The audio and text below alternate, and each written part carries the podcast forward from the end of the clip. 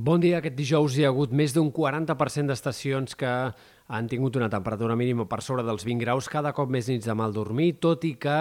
en els indrets on la temperatura nocturna és més alta, al voltant de Barcelona, i les mínimes avui han baixat una mica, un grau, un grau i mig, respecte a la jornada anterior. Avui hem d'esperar que al migdia la calor sigui molt similar a la d'ahir, temperatures flirtejant amb els 40 graus a Ponent, màximes una mica més baixes a la Vall de l'Ebre i, en canvi, més altes cap a sectors de l'Empordà i del Rosselló. De cara a demà, el termòmetre farà un salt cap amunt encara. Entre demà i l'inici del cap de setmana hem d'esperar les temperatures més altes d'aquesta onada de calor, amb màximes que superaran els 40 graus amb més facilitat en sectors de Ponent, valors que poden arribar fins als 42-43 graus puntualment en algun d'aquests sectors, especialment al Pla de Lleida,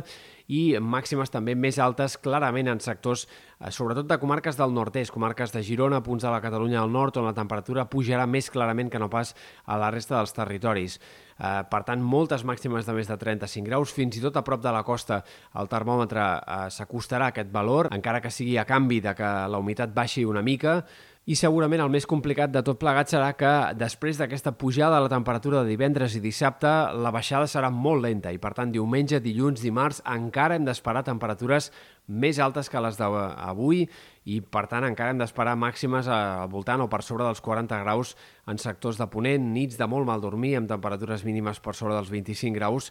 i per tant un episodi llarg de temperatures extremes que és incert encara a hores d'ara com s'acabarà. El més probable de cara a la setmana vinent és que a poc a poc la temperatura vagi baixant, sobretot a partir de dimecres,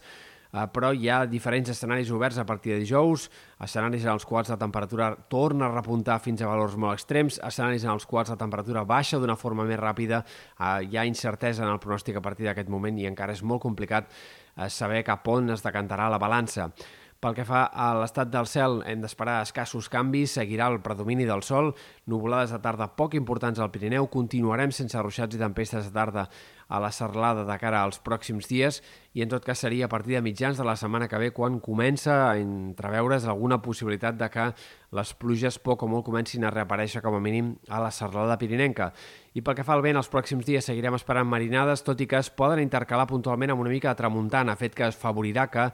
baixi la humitat i pugi la temperatura en aquestes comarques de l'extrem nord-est de Catalunya, però en general el vent no ha de ser gaire protagonista els pròxims dies i per tant la situació marítima seguirà tranquil·la i amb banderes verdes a les platges.